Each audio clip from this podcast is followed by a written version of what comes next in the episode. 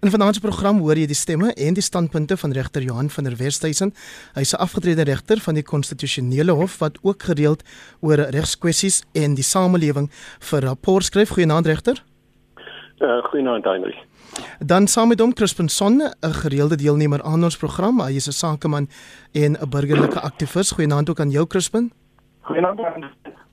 En dan Gert van der Westhuizen, hy is die stemmeredakteur van Netwerk 24, ook nie 'n onbekende op ons program nie. Naand Gert. Goeienaand Heinrich. My naam is Hendrik Weingart en ek sal die gesprek lei. Ek uh, wil daarom net eers verwys na die verskriklike brand wat ons tans sien wat selfs CNN haal sien ek teen die hange van Tafelberg en wat veroorsaak het dat die kampus van die Universiteit van Kaapstad byvoorbeeld ontruim is en die situasie word dopgehou en jy kan verseker môreoggend op monitor en dan ook op Spectrum in die middaguur luister na die nuutste nuus oor wat daar aan die gang is. In hierdie program kyk ons terug op die week se belangrikste gebeure. Jy kan saamgesels deur vir ons 'n SMS te stuur na 45889 en dit kos jou R1.50 elk. Ons begin met wat seker in hierdie tyd al vir jou mag klink na 'n nimmer eindigende verhaal naamlik as ek dit kan noem die major tennis wedstryd om dit sag te stel tussen oud-president Jacob Zuma en die Zondo-kommissie en dan nou ook die konstitusionele hof. En omdat ons 'n regter in ons midde het 'n afgetrede regter van die konstitusionele hof gaan ek vir jou vra regter om vir ons te begin deur te sê ehm um, wat jou indrukke is van die dan dit lyk asof Jacob Zuma hom nou nie werklik steur aan die kommissie of aan die konstitusionele hof nie Ja, ehm um, ek dink ek het dit geskryf ook onlangs in of ten minste gesê in 'n onderhoud in Vrye Weekblad en geskryf in Mail and Guardian. Ehm um, oud president Zuma se strategie is uh hoogs laagbaar. Ehm um, hulle het meer as 'n dekade gelede reeds daarmee begin hy in sy in sy regsgeleerdes, maar op daardie stadium was die strategie om die regstelsel te ontduik en te misbruik met allerlei tegniese punte en uitstelle En natuurlik die eeue ou regsreël wat bitterlik belangrik is, naamlik dat 'n mens skuld net dat jy eers skuldig is wanneer jou skuld bewys word, maar dit het hulle nou tot die uiterste toe misbruik. Toe dit nou nie verder werk nie, toe skakel hulle oor na hoër rad en veral hy. En dit is om die hele regbank aan te val, die grondwetlike orde, die hele konsep van 'n uh, 'n uh, uh, grondwet dat ons 'n grondwetlike demokrasie is ensovoorts die integriteit van die regters en sy laaste stap die die hof het om die konstitusionele hof het om 'n paar dae gegee om 'n 'n eetsverklaring van nie meer nie as 15 bladsye eh, te voor te stel wat sy straf sou moes wees. Nou sommige mense ek sien in die pers sê hulle hanteer hom te sag en te voet. Daar is niks vreemd aan daardie opdrag nie. In die eerste plek, hy skryf nou briewe aan die hoofregter, maar die hoofregter is nie eers sover ek weet by daai spesifieke saak betrokke nie. Hierdie soort van ehm um, directions soos wat ons dit genoem het, uh, moet volgens wet in die naam van die en volgens die reëls van die hof in die naam van die hoofregter uitgaan. En dit is bloot 'n poging om hom 'n laaste kans te gee. Of hulle dit vir ander mense sou gedoen het of nie, weet ek nie. Maar aangesien hy weggebly het, aangesien hy glad nie wou deelneem aan die hele proses rondom sy beweerde minagting van die hof nie, sien ek dit as 'n laaste poging van hulle kant om vir hom te sê en dis bloot dit is bloot hulle sê indien jy skuldig bevind sou word aan minagting van die hof wat sou jy dan voorstel? Moet die straf wees. En hy sou kon sê ek ek sou steeds voel dat ek onskuldig is maar indien jy so onnoosel is om my skuldig te bevind stel ek voor 'n boete of 'n opgeskorte vonnis of wat ek al. Maar in steede daarvan om 'n eh, so 'n eetsverklaring af te lê, trek hy los met 'n brief aan die hoofregter waarin hy herhaaldelik persoonlik aanspreek van ek het nog net weer gekyk 65 genommerde paragrawe waarin hy sê hy is 'n gewetensbeswaarde en die hele storie wat ons nou al oor en oor gehoor het dat die Zondo kommissie is nie regverdig nie. Zondo vir wie hy aangestel het uh nadat die hy hy sê die hele begin van die ding was onwettig dat die hmm. dat die openbare beskermer gesê het die die hoofregter moet iemand aanwys en dan moet hy hom aanstel. Maar hy kon op daai stadium natuurlik reeds die openbare beskermer toe nie maar ons hulle se verslag op erkenning geneem het. In elk geval op hierdie stadium die enigste punt wat ek daarom wel moet sê aan aan die ander kant dit is uiters vreemd dat die hoogste hof wat um, oor grondwetlike sake beslis hier direk met 'n skuldigbevinding en tronkstraf werk. Nou hier het ek nie die argumente gevolg wat die sondekommissie aan hom voorgelê aan die hof voorgelê het nie en dalk sal ons sien wat die hof sê. Ehm um, maar dit is 'n dit is 'n dit is 'n unieke proses. Ek neem aan hulle het dit goed deurdink en as hulle inderdaad die jurisdiksie het om tronkstraf direk op te lê of enige ander straf, dit kan natuurlik steeds 'n boete wees of 'n opgeskorte vonnis. Ja, dan dink ek nou maar net hy moet hom bepaal by die reg en hierdie aanslag van op die regstelsel is is volkome oneerlik. Ehm um, dit is onsamehangend en ehm um, al die, die beweringe ek sluit met hierdie sin af jammer vir my lang inleiding maar al hierdie beweringe dat die regter op mense se uh, betalingslys is se payroll en al daai soort van goed kan geweldige skade aan die regstelsel doen. Maar ek dink die reg moet sy gang gaan en soos wat ek vroeër in ander fora gesê het natuurlik moet dit gedoen word met diskresie ehm um, mense wil nie groot openbare spektakels sien met 'n ou man wat in 'n vangwa gegooi word of so iets nie, maar die regering, die die, die sekuriteitsagentskappe het ook 'n plig anders as wat in Amerika op 6 Januarie gebeur het om vooruit te bepaal wat is die gevare, wat kan gebeur gaan Zulu krygers of ja, generaal Karel Neus of iemand daar wag staan by die hek en om daai dinge uit te uit te sorteer. Maar die hof het nou vir hom 'n kans gegee. Hy het besluit om eerder 'n lang onsamehangende brief te skryf en van hier af sal ons nou maar verder sien. Crispin da da ja ek sien ook dat die die oud president het hom nie noodwendig gesteun en hy voorskryf of versoek dat dit um 15 bladsye moet wees nie hy het op 21 geëindig maar dit nou daar gelaat. Um die vraag wat ook deel was van 'n regter van 'n Wesduisend se inleiding was of die konstitusionele hof dit vir ander Suid-Afrikaners sou doen al dan nie is 'n vraag wat die republiek gevra word. Wel, anders ek ek, ek dink dat dit omdat dit so 'n sensitiewe saak is en ek dink omdat dit is van oor gedink en omdat dit jou uh eerste keer wat ek weet van so wat voorkom, dink ek is daar die uh, die verwagting dat dit op die hoogste vlak ehm um, moet word. Crispin, ek gaan jou net ek gaan jou net vra of jy nie wil so 'n bietjie beweeg dat ons net hoor wanneer jou syne is baie swak. Jammer. Ek Kom ons ja, hoor nou. Uh, so ek dink vir my gevoel dat die uh, dit maar nou die benoudinge is van loude en my gevoel wat my baie treffend is, is dat president oud president Zuma het hier lopend gevra 'n geleentheid om sy saak te stel voor die regsproses hy het self die sondekommissie aanstel en hy is self deur daai proses van van van van regter sonde. So vir my is dit jy weet dis ons kan baie akademies daarna kyk en ons kan deur 'n regsoogpunt daarna kyk maar as 'n as 'n man in die straat kan ek net sê is dit vir my 'n aanduiding van iemand ehm um, wat integriteit nie en dis ook 'n aanduiding van iemand wat die proses van die vraag wil ontduik.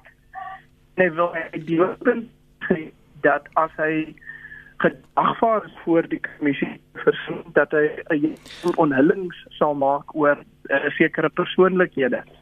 Suid-Afrika wag met daardie ons wag vir hy vir, uh, vir Ja, Crispin, ek is ek is jammer.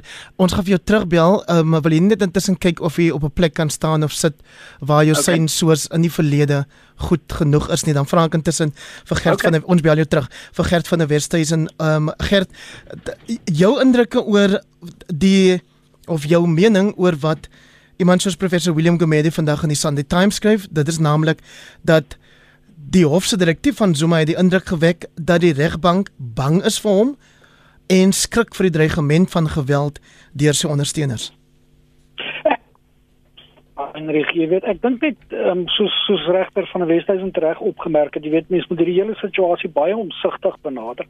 Jy het hier te doen met 'n oud president, jy wil nie oorhaastig lyk nie, jy weet juis omdat die regbank aangeval word dink ek moet die regbank versigtig te werk gaan. Jy weet hulle moet al die reëls nakom en hulle moet die man kans gee om sy saak te stel. Jy weet ek dink nie dit is dit is enigstens dat die regter het reg opgemerk dat hy nie 'n spesiale behandeling kry nie. Ek dink dit die die die hof gaan versigtig te werk, jy weet, want jy kan duidelik sien in daai 21 bladsy brief van die oud president hoe hy die regbank aanval, jy weet, wat hy alles mee na vore kom. Jy weet hy gaan al daar by apartheid. Hy gaan sê hulle ondergrawe die grondwet waar ander mense nou weer vandag sê dis juis die grondwet wat maak dat hy nou ehm um, dat, dat hierdie proses nou aan die gang is, jy weet.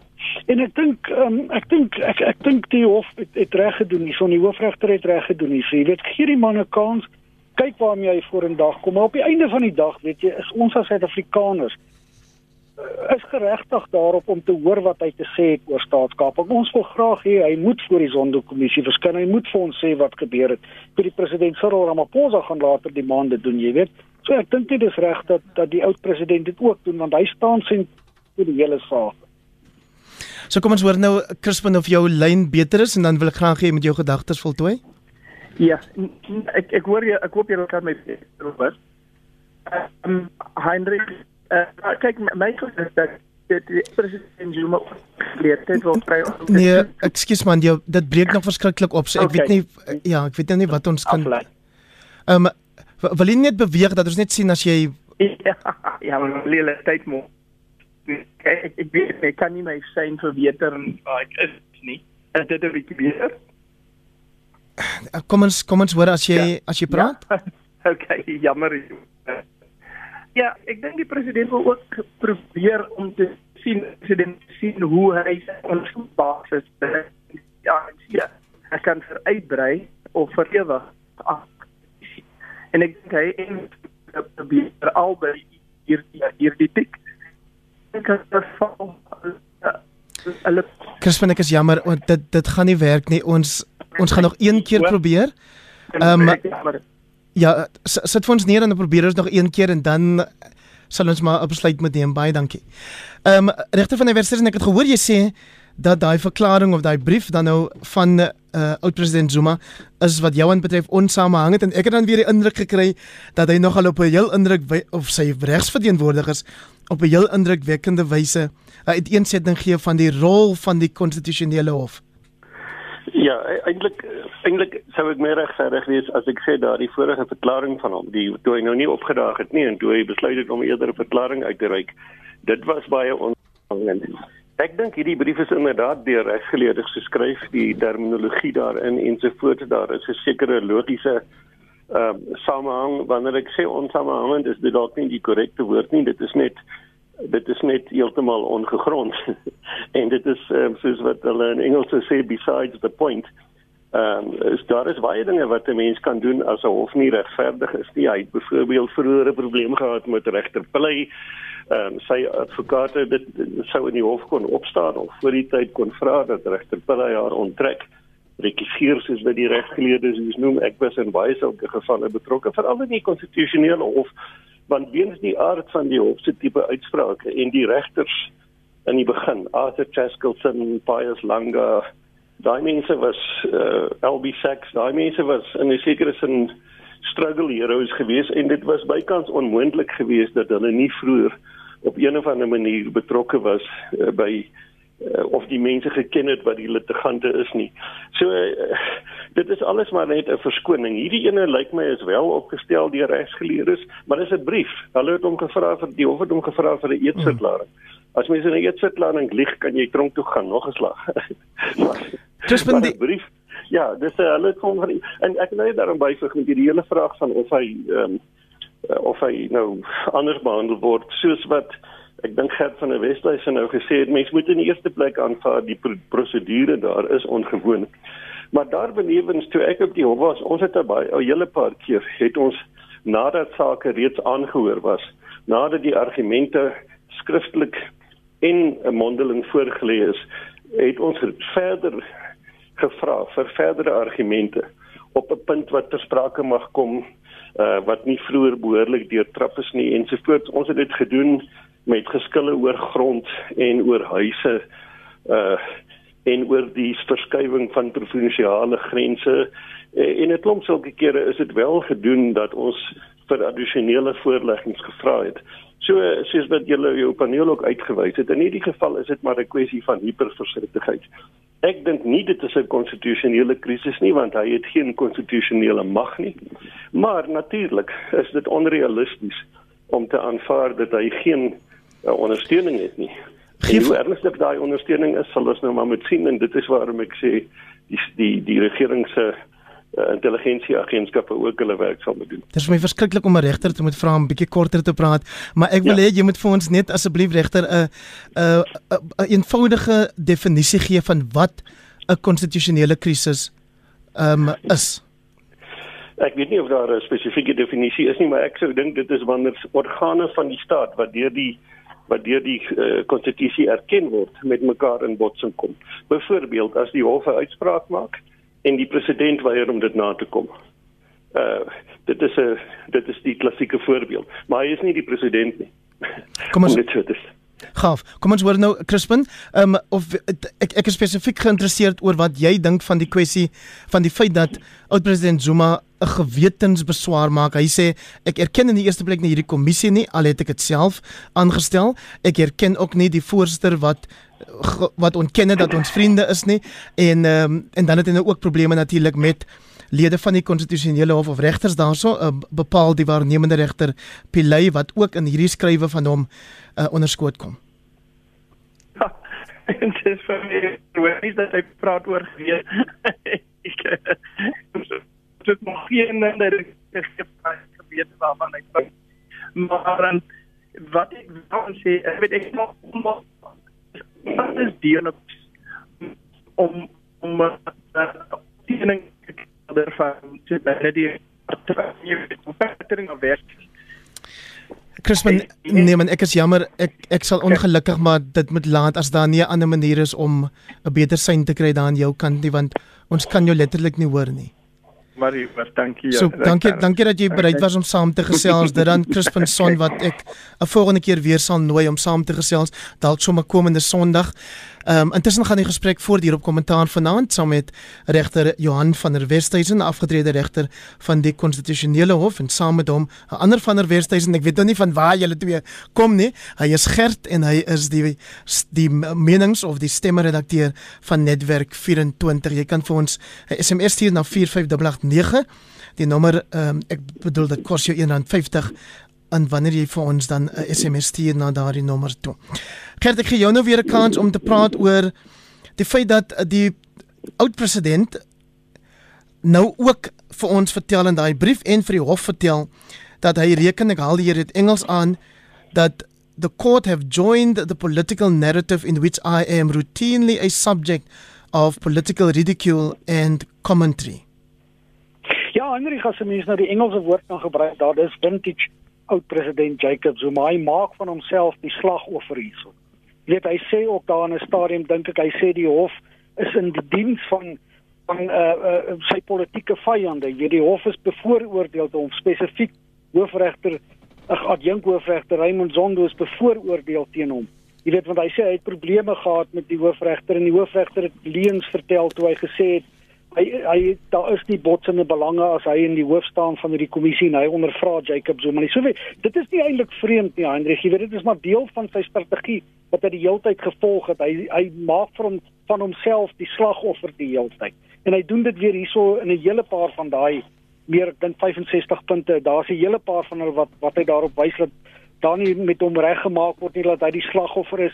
Jy weet hy hy hy sê dit is onregverdig om hom op daardie stadium nou verwys as accused number 1. Hy sê dis onregverdig. Jy weet hy het groot probleme met regter Pillay wat hy weer daar uitlig. Hy sê sy het voorheen teen hom beslis wat betref die Derek Hannekom saak en sy daar een keer vir hom gesê hy moet in hegtenis geneem word toe sy nie sy sieknota wou aanvaar met die korrupsie saak nie. So jy weet hy skep hierdie scenario van almal is teen my, ek is onskuldig, ek is nog niks skuldig, of dit almal beskuldig my van allerlei goed regter van die Wesduisen in dieselfde brief uh sê oud-president Zuma ook dat die voorskrif of die versoek van hoofregter Mogoeng Mogoeng maak nie voorsiening daarvoor of vir die vraag oor waarom hy nie vir minagting van die hof gestraf behoort te word nie.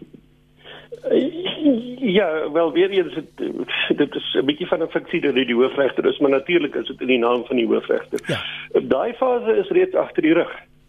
Hy het mos geleentheid gehad om te kom verduidelik waarom hy nie aan regting van die hof skuldig is nie en hy het daai uit verkies om weg te bly en eerder 'n lang verklaring te skryf. Wat die hof nou doen is hulle sê bloot vir hom indien ons jou skuldig sou bevind, wat dink jy moet die straf wees? Met ander woorde in 'n sekere sin sê hulle vir hom, dalk het jy nie gedink jy kan skuldig bevind word nie. Ons het nog nie daaroor finaal besluit nie, maar indien jy skuldig bevind word, hulle gee vir hom die kans om te sê kom ons gaan vir 'n boete soos ek net nou gesê het. Maar hy besluit om terug te gaan al die pad. So dit is doodgewoon verkeerd wat hy sê. Dit is doodgewoon nie akkuraat nie. Daar was ook nou gerd 'n uh, inbraak gewees by die kommissie se kantore. Skootrekenaars is glo gesteel en dan weet ons ook daar was al in die verlede berigte en voorvalle waar getuies of getuienis liewers um, wat voor die kommissie verskyn het geïntimideer is of aangeval is of agtervolg is of dat daar by hulle huise ingebreek is. Jou reaksie daarop? Ja, dit is dit is eintlik kommerwekkend Heinrich. Dit is kommerwekkend in die eerste plek dat daar nie genoeg sekuriteit by by 'n plek soos die Sonderkommissie is nie. Almal besef hoe 'n groot belangrike rol daai kommissie speel in die toekoms van die land. Dan in die tweede plek die regter het onmiddellik uitgespreek teenoor uh, mense wat getuies geïntimideer het. Weet dit dit is ongelooflik dat dat daar so min eintlik kom dit neer op op disrespek vir die regbank. Jy weet hierdie mense moet getuig in 'n hofsaak, maar jy gaan hulle intimideer om te sê wat jy wil hê hulle moet sê. Jy weet dit is dit is ongelooflik dat dat dat sulke dinge gebeur, jy weet. En en en, en 'n mens wil graag wil sien soos die regter ook gesê het dat die sekuriteitsagentskappe baie groter rol speel. Jy sien getuies genoegsaam beskerm word, dat daar genoegsame sekuriteit by die kommissie is. Jy weet want want sulke goed sal altyd die kommissie se werksaamhede verdag maak. Dran Gert van der Westhuizen die stemmeredakteur van Netwerk 24 wat eh, deelers van ons paneel vanaand waaraan of waarvan regter Johan van der Westhuizen ook deel is. Ek het vroeër vir Crispin Son wat ons ongelukkig moes laat gaan omdat sy telefoonsein baie swak was, gevra regter oor die kwessie van gewetensbeswaar wat vooropgestel word deur die oud president. Wat is jou reaksie daarop? Uh, dit is die eerste keer wat ek die term gewetensbeswaar hoor. Sedert sommige mense uh, in die apartheid tyd uh, geweier het om militêre diensplig te ondergaan en gesê het dat uh, of sedert Muhammad Ali gesê het hy wil nie in Vietnam gaan veg nie uh, want hy het net die nie weet kom nie want hulle het hom nooit nigger genoem nie.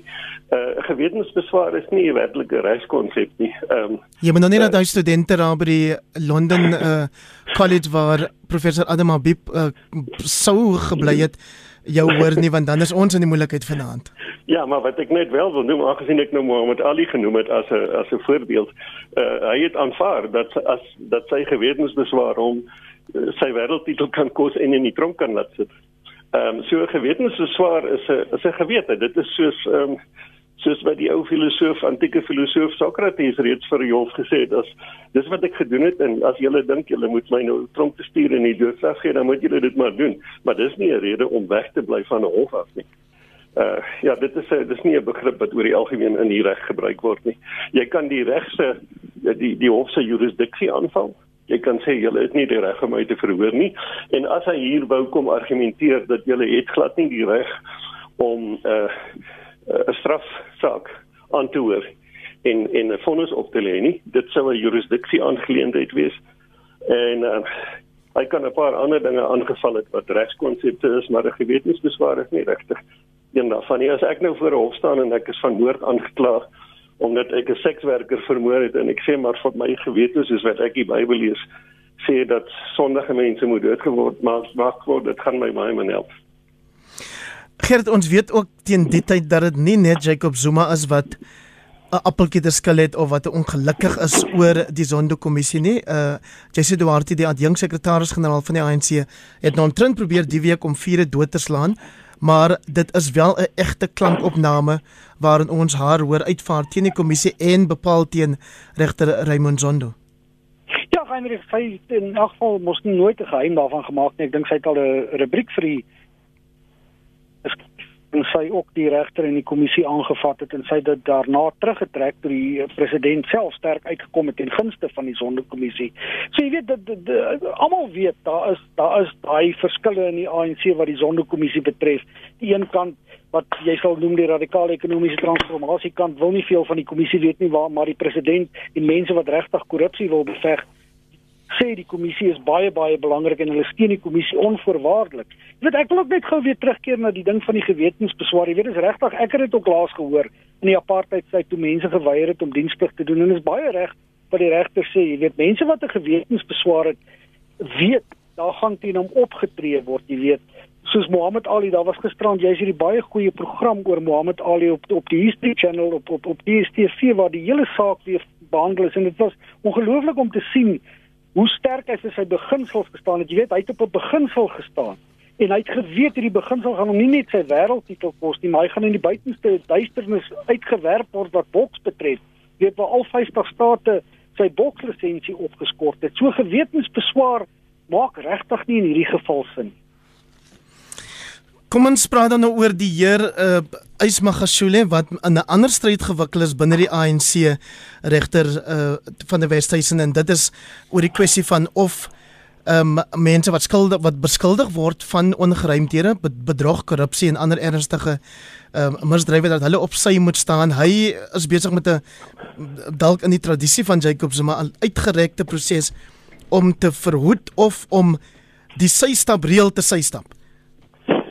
Voor ek by uitkom net een baie kort laaste gedagte. Ons wil ons sien so uit daarna dat Zuma voor die sondekommissie moet getuig, maar dit kan natuurlik wees dat as hy gaan getuig die hele ding 'n windeier is, want as hy daar gaan sit en elke vraag weier om om te antwoord omdat dit hom krimineel om kan benadeel in 'n kriminele saak, en in sy geval is daar sterk moontlikhede van verskeie kriminele sake, dan gaan sy getuienis dalk in ieder geval baie min min uh, na vore bring.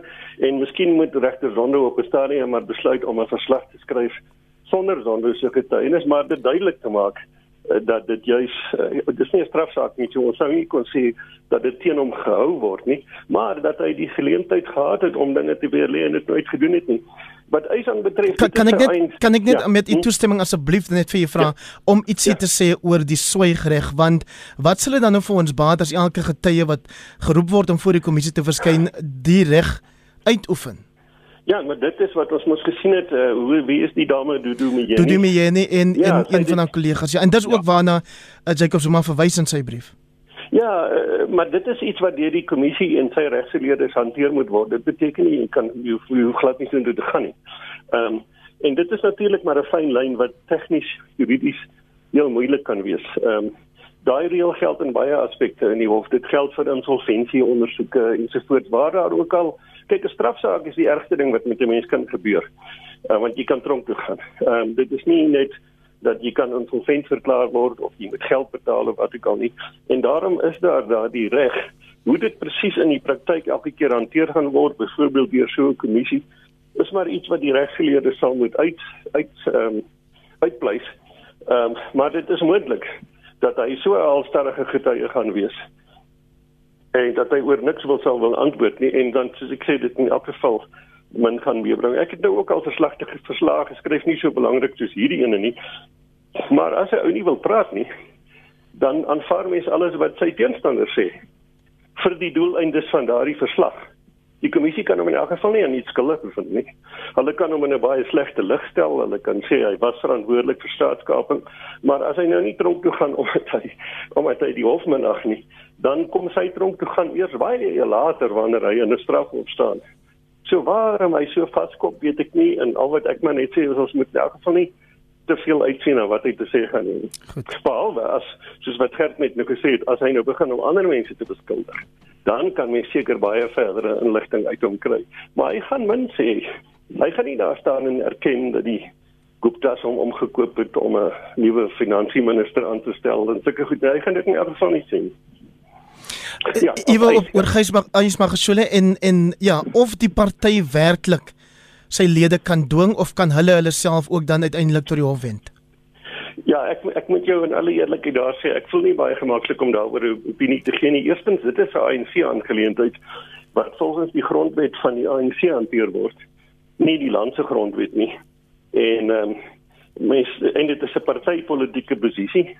Die feit dat hy sekretaris-generaal is uh en uh, ek het nie genoeg kennis nie en wil en ek nie genoeg en wil nie graag in daardie soort van direkte politiek betrokke wees nie. Nee, dis dis gaan dit dit aanvaar ek.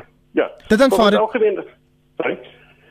Nee, ek wil sê dit aanvaar ek, maar u weet ja. ook daar is 'n gewoonte deesdae 'n gebruik amper in ons land dat politieke party kwessies dikwels in die hof beland. So ek ja. so ek is nie ja. oor of u dink dat lede sou hof toe kon gaan en sê my party wil hê ons moet dit doen, ons stem nie saam met hulle nie. Natuurlik sal lede hof toe kan gaan gegrond op daardie ANC grondwet. Hulle sal natuurlik kan. Jy weet ek sit op die oomblik as 'n waarnemende regter in die April of in Lesotho. Jo, en 'n klomp van daardie sake gaan jy weet Lesotho is in is is altyd in politieke turmoil om Engelse woorde te gebruik en baie van daardie sake gaan oor party lidmaatskap en of 'n ou party kongresse mag bywoon en of jy lid mag wees ensovoorts. So ja, jy kan net soos wat jy 'n tennisklub se grondwet hof toe kan vat, kan jy die politieke party se grondwet ook hof toe vat. Heinrich, jy weet in hierdie geval, mense wonder partykeer of dit nie dui op 'n sekere mate van politieke onstabiliteit in die land nie. Jy weet politieke partye kan nie hulle eie probleme oplos nie. Nou wend hulle hulle self by die howe. Jy weet die ANC doen dit die hele tyd. Jy weet ons was almal daar in 2017 by die ehm um, kongres waar president Ramaphosa as leier verkies is. Jy weet vooraf was daar hoeveel hofsaake gewees. Dan moet die hof besluit oor party aangeleenthede. Dit maak dat sekere dele van die party dan vyandig gesind teenoor die hof raak dat hulle dan die regbank aanval. Jy weet dit is eintlik 'n baie ongesonde kwessie. Dit ek wens die dag wil kom dat politieke partye, hulle het mos grond, hulle het mos 'n grondwet. Tree volgens jou grondwet op. Is dit nou nodig om elke keer hof toe te gaan? Ja, sê hulle, want die probleem word nie opgelos nie, maar ek dink ek dink dit is onregverdig teenoor die regbank om die hele tyd te verwag die regbank moet besluit oor wat in politieke partye moet gebeur. Regter van der Western daar was ook ek wil nou nie jou Engelse woord turmoil gebruik nie maar daar was dan turbulensie sou mense seker kon sê uh, by die onderhoude uh, deur die geregtelike dienskommissie vir nuwe regters die afgelope week. As jy nou as 'n oud regter voor die televisie gesit het soos ek en ander en uh, gekyk het na wat daar gebeur het, wat sou jou indruk wees? Ja, ek het nie volledig voor die um, televisie gesit nie en om my waarheid te sê, ek weet nie eers welke 5 kandidate se name wel opgestuur is nie omdat daar ehm um, twee vakante poste is moet daar vyf name gaan. Maar ek neem aan waarna jy verwys is die situasie waarby Julius Malema ehm um, die hoofregter en regter Pillay betrokke was. Ehm um, ja ek het nou al baie keer oor die hoofregter gepraat en ek probeer altyd regverdig wees deur te sê wat godsdiens betref byvoorbeeld het hy nooit sy oortuigings afgedwing op iemand terwyl ek op die hof was nie maar sy optrede raak toenemend vreemd. Ehm um, dit was bizar dat toe Malema regter Pillay aanval en iemand 'n kommentator in 'n koerant het iewers geskryf die voorsitter die hoofregter se taak was om vir Malema meneer Malema tot orde te roep. Maar toe hy nou lostrek en daai stuk het ek wel gesien met gepaardgaande lyfstaal en insinuasies oor hoe, hoe Pravin Gordhan hom gebel het en hy weet nie eers waaroor nie. Uh eerstens ek dink nie dis waar nie met alle respek.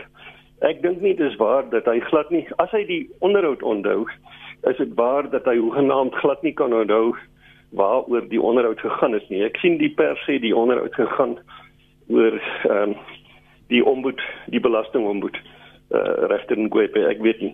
Maar dit is baie vreemd wees uh, dat die minister hom sou skakel vra vir 'n onderhoud en hom dan vra hoe dit gegaan het met sy vriendin en die blote feit dat hy haar sy vriendin noem wys dat dit 'n baie onnoosel voorbeeld baie onnoosel poging sou wees om die regter te beïnvloed. Uh, ek gaan nie as ek kom wil beïnvloed sê hoor hier ek wil jou iets vra oor kandidaat X want ek is 'n goeie vriend van hom nie. Uh, ek sal dan eerder sê die persoon was eh, 'n goeie regter of so iets. So waarom die hoofregter dit gedoen het, weet ek nie en ek dink die hele sirkus waarin sommige regters deesdae verval. Ehm um, as praat nie eers van die regtersloope ding uh, uh, jy weet geskiedenis nie. Ek weet nie hoekom die regter die hoogregter dit gedoen het nie. Ek verstaan glad nie waarom hy dit nie destyds reeds geopper het nie, waarom hy nie vroeër daarvan sê gesê het as dit iets is wat nou werklik geplaas nie. Uh, die manier wat hy dit gedoen het veral soos ek sê die lyfstaal ensovoorts is ek dink sover ek gesien het baie onvanpas. Dit het gevolg op uh, kritiek natuurlik deur Julius Malema leier van die EFF ook op regter Pilay en uh, daar word nou gevra oor of ons enigsins moet voortgaan met hierdie gebruik dat politici ook deel uitmaak van die geregtelike dienskommissie en spesifiek hierdie onderhoude vir nuwe aanstellings op die regbank. Ja, dit is natuurlik 'n baie pertinente vraag, Heinrich. Jy weet ons het nou net rukkie gelede verwys op na hoeveel keer die regbank betrokke moet raak by politieke geskille. Maar aan die ander kant, weet jy, is dit dalk maar 'n goeie ding vir openheid, jy weet in politieke partye daar, jy weet mense moenie dit mense probeer nie altyd politieke kwessies daar opper nie, jy weet nou soos hierdie geval van Malema en uh, uh, Pravin Gordhan, jy weet want Gordhan almal weet hy's hy's 'n groot die EFF hou nie van hom nie die radikale ekonomiese transformasie mense hou nie van hom nie hulle sal elke kans gebruik om hom aan te vat. Jy weet ek dink ek dink 'n mens moet probeer om dit te vermy. Ek dink jy daar's presies fout dat politici deel is van die paneel nie maar ek dink net hulle moet dit probeer vermy om persoonlike byltjies daar te sluit. Die posisie van regter Sloppe is natuurlik nou ook in die kollig omdat regters soos wat jy weet regter van die Wesduisen ehm um, die regterpresident maak deel uit van die paneel vir aanstellings um, op sy regbank as ek dit nou so kan stel en nou word daar gevra deur premier Ellen Windey en ook die Kaapse Bali Raad dat daar eers teruggehou word met hierdie spesifieke onderhoude vir die Wes-Kaapse regbank sodat die posisie van regter John Slope eers uitgeklaar kan word.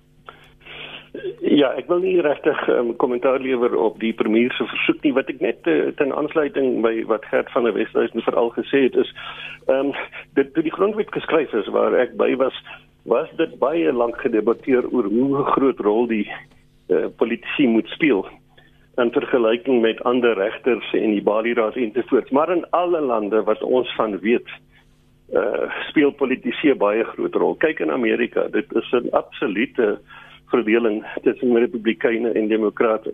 In Duitsland waar die partye miskien meer meer beskaafd is in hulle verskille, maak hulle eintlik beurte om 'n regter op die konstitusionele hof te kry.